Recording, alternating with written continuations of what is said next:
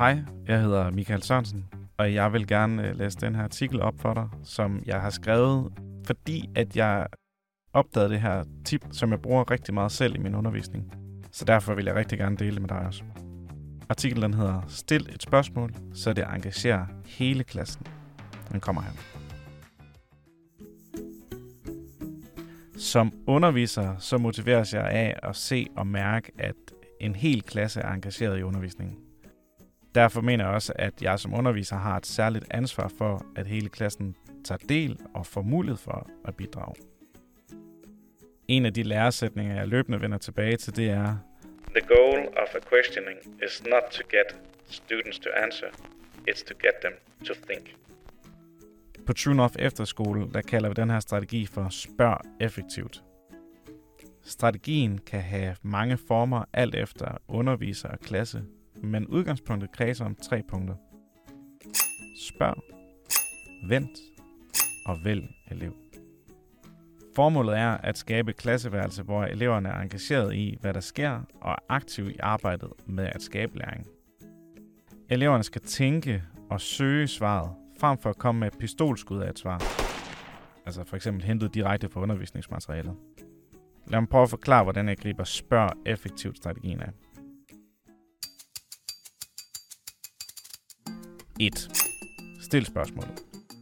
Jeg sørger ofte for at stille spørgsmål, som ligger op til, at eleverne skal komme med et svar, som ikke kan slås op i formelsamlingen eller i grundbogen. Det sætter den kreative tankeproces i fuld sving, og det hjælper eleverne, i hvert fald i mange sammenhænge, til at reflektere over læringsmaterialet på en anden måde end normalt. 2. Giv eleverne tid til at finde frem til et svar.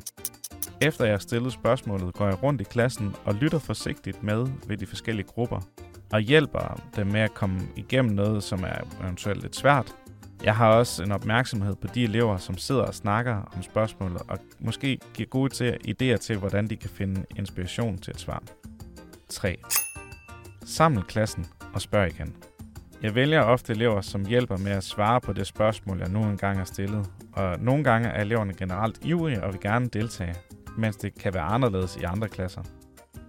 Derfor gør jeg også relativt ofte brug af en navnegenerator, som vælger en elev til at give et svar. På den måde bliver det meget tilfældigt, hvem der skal svare, og eleverne bliver gjort opmærksom på strategien, og at det måske kan være deres navn, der bliver råbt op.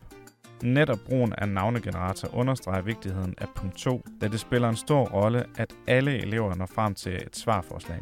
Dermed undgår man også som underviser at stå i en situation, hvor en elev kan føle sig udstillet ved at blive udvalgt til at svare, men ikke har et svar på hånden. Mm? Jeg ved, at når jeg stiller et spørgsmål, så vil nogle elever kunne svare på det med det samme.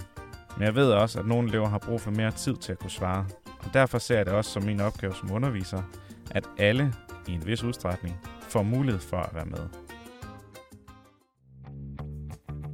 Ved at arbejde med strategien for at spørge effektivt, vil flere elever kunne svare, og jeg oplever ofte, at læringen får bedre grobund for at spire. Ydermere ser jeg også, at det giver større energi i klassen, fordi alle elever bliver engageret i spørgsmålet og kan dele de ting, som de hver især kan huske. De begynder både at bruge hinanden som en ressource, men bliver også engageret i det, som sker i klasseværelset. For mig er resultatet spørg effektivt en vindersituation for alle. Jeg håber, at øh, den her artikel kunne give dig lidt inspiration til din egen praksis i klasselokalet. Og tak fordi du lytter med.